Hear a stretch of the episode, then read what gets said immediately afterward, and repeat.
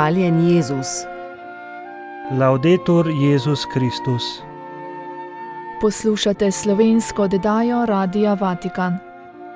Papež Frančišek zagotavlja bližino prebivalcem Sao Paula. Svet je oče na Mačarskem od 28. do 30. aprila letos. V Argentini je šla knjiga o učenju papeža Frančiška z naslovom Pastir. Prisluhnili bomo nadaljevanju oddaje Potovanja srca s papežem Frančiškom ob deseti obletnici pontifikata. Restauriranje marine ikone Salus Popoli Romani predstavljeno v knjižni obliki. Papež Frančišek zagotavlja svojo bližino prebivalcem brazilske zvezdne države Sao Paulo, ki jo je v minulih dneh prizadelo hudo neurje in povzročilo poplave in zemeljske plazove. Svojo bolečino izrazi zlasti zaradi smrtnih žrtev.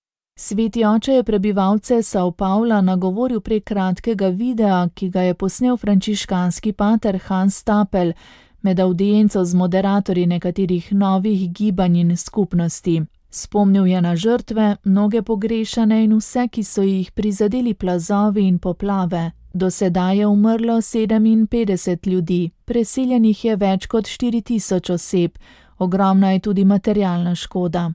Želim vam izraziti svojo bližino in vam zagotoviti molitev, naj vas Bog zelo blagoslavlja in naj vas Jezus spremlja in tolaži, devica naj vas varuje, je dejal sveti oče in podelil svoj blagoslav. Potem, ko je sprejel povabilo civilnih in crkvenih oblasti, bo papež Frančišek opravil apostolski obisk na Mačarskem od 28. do 30. aprila letos. Obiskal bo mesto Budimpešta prisluhnimo programu papeževega obiska.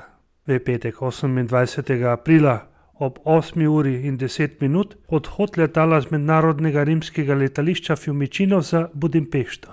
Ob 10. uri je predviden prehod letala na mednarodno Budimpeško letališče. Sledi uraden sprejem. Ob 11. uri sprejemna slovesnost na trgu Sandorjeve palače ob 11. uri in 30 minut vljudnostni obisk pri predsednici republike v Sandorjevi palači. Prav tako tam ob 11. uri in 55 minut srečanje s predsednikom vlade. Ob 12. uri in 20 minut srečanje s predstavniki oblasti, civilne družbe in diplomatskim zborom v nekdanjem karmeličanskem samostanu. Govor papeža Frančiška. Ob 17. uri srečanje škofi, duhovniki, diakoni, posvečenimi osebami, semenišniki in pastoralnimi delavci okon katedrali svetega Štefana. Govor papeža Frančiška. V soboto 29. aprila ob 8. uri in 45 minut bo najprej zasebni obisk otrok inštituta blaženega Lasla Badhijanija Stratmana. Ob 10. uri in 15 minut srečanje z revnimi in begunci v cerkvi svete Elizabete Ogrske. Govor papeža Frančiška. Ob 16.30 minut srečanje z mladimi v Budimpeški športni dvorani. Govor papeža Frančiška. Ob 18. uri zasebno srečanje s člani družbe Jezusove na apostolski nunciaturi.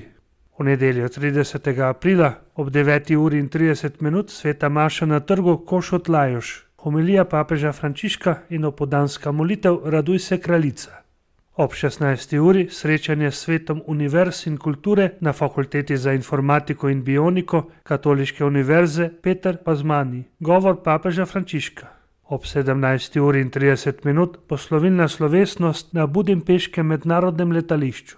Ob 18. uri odhod letala z mednarodnega Budimpeškega letališča za Rim. Ob 19. uri in 55 minut prihod letala na mednarodno rimsko letališče Fiumicino. V Argentini je išla knjiga o papežu Frančišku z naslovom Pastir izpod peresa novinarjev Francesca Ambrogeti in Sergio Rubina. Nastala je na podlagi različnih intervjujev s papežem o najpomembnejših vprašanjih cerkve, od politike do ekonomije, od reforme rimske kurije do ogroženosti našega skupnega doma. Francesca Ambrogeti, nekdanja odgovorna urednica agencije ANSA v Argentini, in Sergio Rubin, odgovorni urednik časnika El Clarin, tokrat že drugič prihajata na knjižne police s knjigo o liku Jorgeja Maria Bergolja. Leta 2009 sta skupaj izdala knjigo Jezuit in v njej predstavila kardinala Načkofa Buenos Airesa.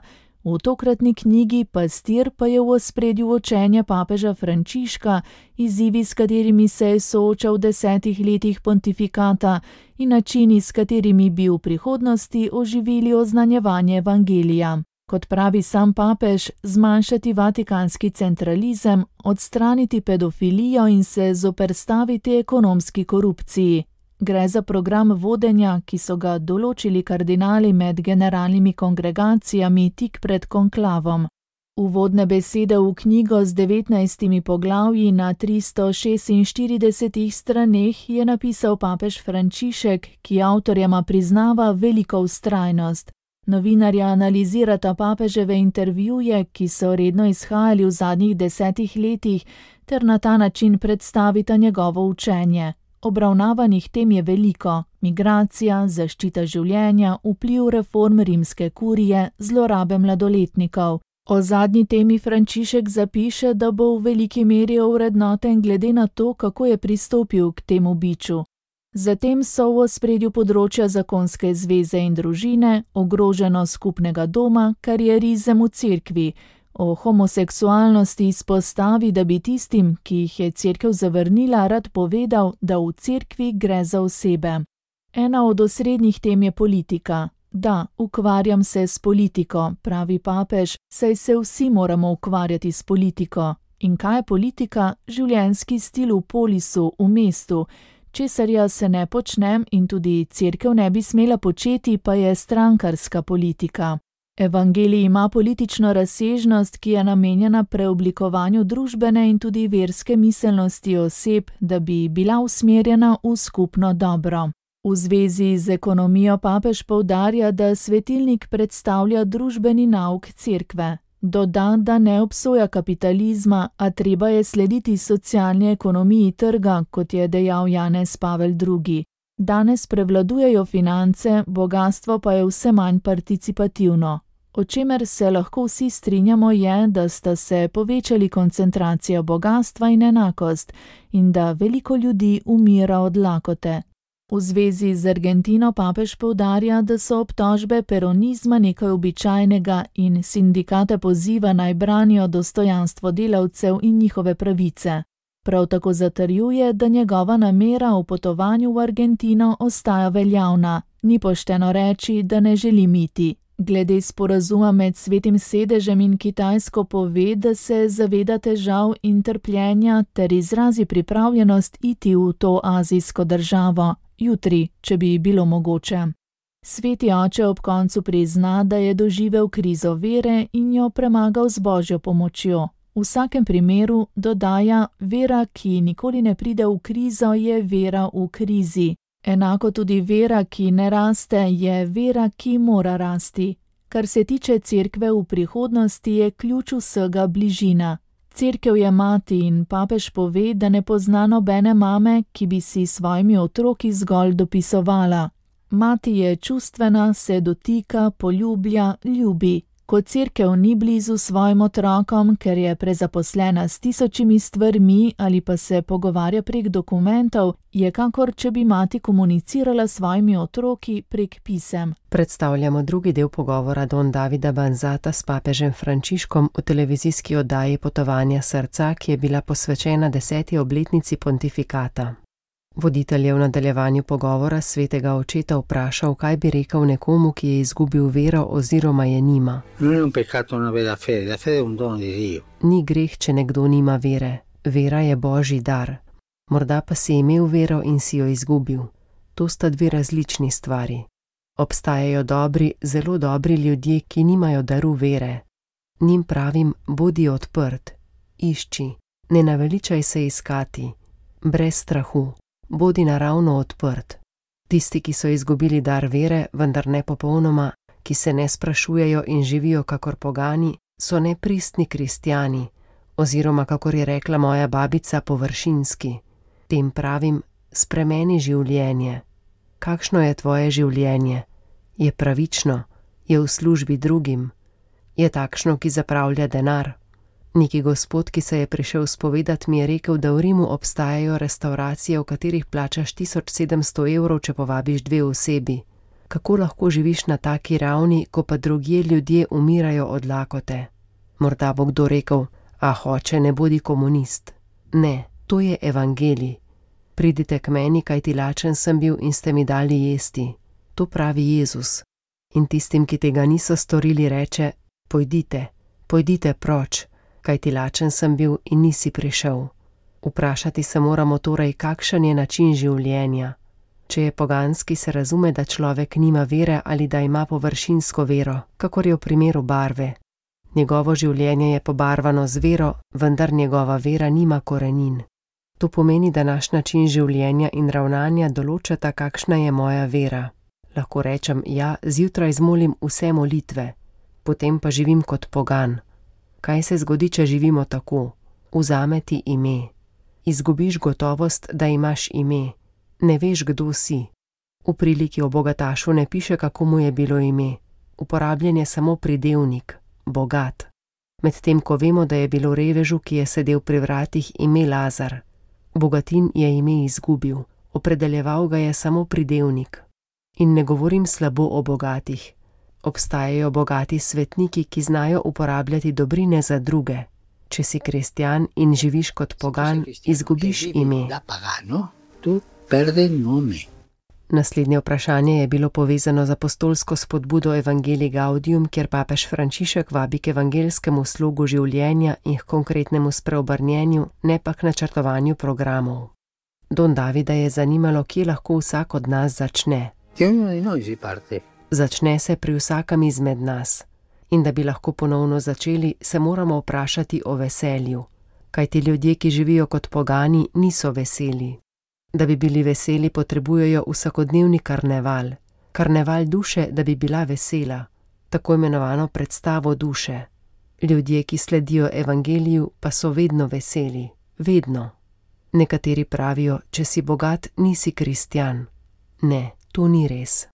Če si bogat in živiš kot kristjan, si kristjan.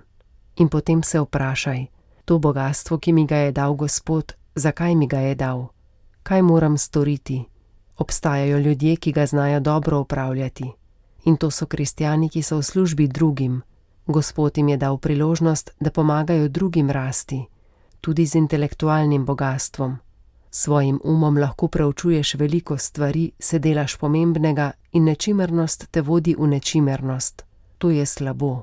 Vendar pa s svojim umom lahko narediš veliko stvari v službi drugim. Pomisli na zdravnika, ki je študiral, svojim umom lahko zdravi vendar je to vedno služenje. Vprašanje, ki si ga zastavim, je naslednje: ali ta oseba služi ali pa izkorišča življenje in samo uživa. Išla je publikacija o restauriranju Marijine ikone Salus Populi Romani oziroma rešitev rimskega ljudstva, ki se nahaja v papeški baziliki Marije Velike. Publikacijo z naslovom Salus Populi Romani, restauriranje starodavne ikone iz papeške bazilike Marije Velike, so v četrtek 23. februarja predstavili v konferenčni dvorani Vatikanskih muzejev. Restauratorska dela, ki so podrobno predstavljena v knjigi, so opravili v laboratoriju Vatikanskih muzejev za restauriranje slik in lesenih materialov, ki bo kmalo obhajal stoletnico delovanja.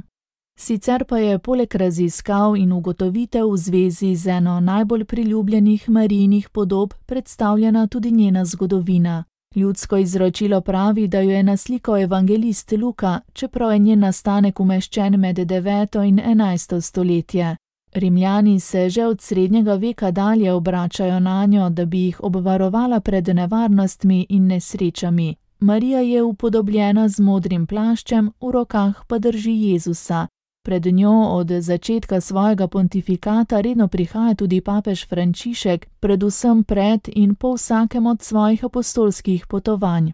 Zadnja restauratorska dela so se zaključila januarja 2018, ko so ikono namestili v zaščitni relikvijari, ki z uravnavanjem temperature in vlažnosti zraka zagotavlja njeno ohranjanje skozi čas. Januarja 2022 pa so opravili konzervatorski poseg in preverili stanje ikone. Kot je prejšnji teden na predstavitvi publikacije zatrdila direktorica Vatikanskih muzejev Barbara Jata, so vsako restauratorsko delo začeli z molitvijo.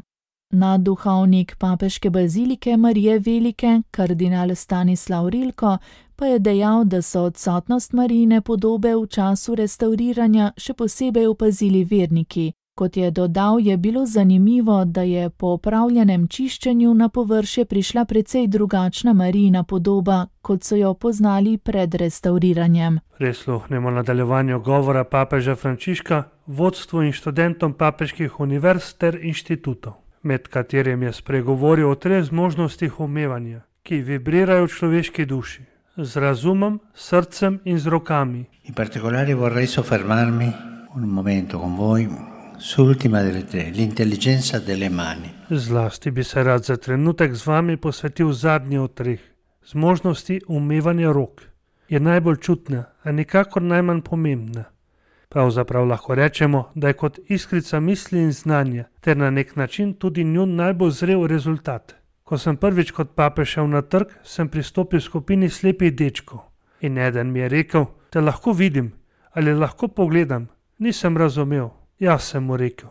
In iskal me je z rokami in me videl z rokami. To se me je zelo dotaknilo. In glede te sposobnosti omevanja rok je Aristotel naprimer rekel, da so roke kot duša, zaradi moči, ki jo imajo in po zaslugi svoje občutljivosti, da razločujejo in raziskujejo. In Kant jih je brez oklevanja imel za zunanje človekove možgane. Italijanski jezik, tako kot drugi novolatinski jeziki, poudarja isti pojem, tako da je glagol vzeti prendere, ki označuje tipično ročno dejanje. Koren besed kot so razumeti, comprendere, učiti se, apprendere in čuditi se, sorprendere, ki označujejo pomene miselnih dejanj, medtem ko roke jemljajo, um razume, se uči in se pusti presenetiti, pa vendar so zato potrebne občutljive roke. Um ne bo dosegel razumeti ničesar, če so roke zaprte zaradi pohlepa, ali če so luknjaste roke, ki zapravljajo čas, zdravje in talente, ali če zavračajo skleniti mir, pozdraviti in seči v roke drugih. Ne bo se mogel ničesar naučiti, če bodo njegove roke brez usmiljanja kazale na brate in sestre, ki se motijo. In ne bo presenetljivo, če se iste roke ne bodo mogle združiti in dvigniti proti nebu v molitvi. Poglejmo Kristusove roke. Z njimi vzame kruh in ga po blagoslovu razlomi, ter da učencem in reče: To je moje telo. Na to vzame kelih in jim ga po zahvali ponudi z besedami: To je moja kri. Kaj vidimo? Vidimo roke, ki se zahvaljujejo, ko jemljajo. Poslanica svetega očeta Frančiška za post 2023, postna skeza, sinodalna pot. Evangelij o spremenjenju je oznanjen vsako leto na drugo postno nedeljo. Dejansko nas Gospod v tem bogoslužnem času vzame s seboj in nas odvede na samo. Tudi če naše redne obveznosti zahtevajo, da ostanemo na svojih običajnih mestih in živimo svoj vsak dan, ki se pogosto ponavlja in je včasih dolgočasen, smo v posnem času povabljeni, da se skupaj z Jezusom povstnemo na visoko goro, da bi svetim božjim ljudstvom doživeli posebno izkušnjo askeze. Postna askeza je zauzetost, ki jo vedno spodbuja milost, da bi premagali svoje pomankljivosti vere in odpora do tega, da bi hodili za Jezusom po poti križa. Prav tako, kakor so to potrebovali Peter in drugi učenci. Za poglobitev našega poznavanja učitelja, za razumevanje in popolno sprejemanje skrivnosti Božjega odrešenja, ki se je uresničilo po popolni daritvi samega sebe iz ljubezni. Moramo pustiti, da nas On odvede na samo in na visoko goro, da se bomo ločili od povprečja in nečimrnosti.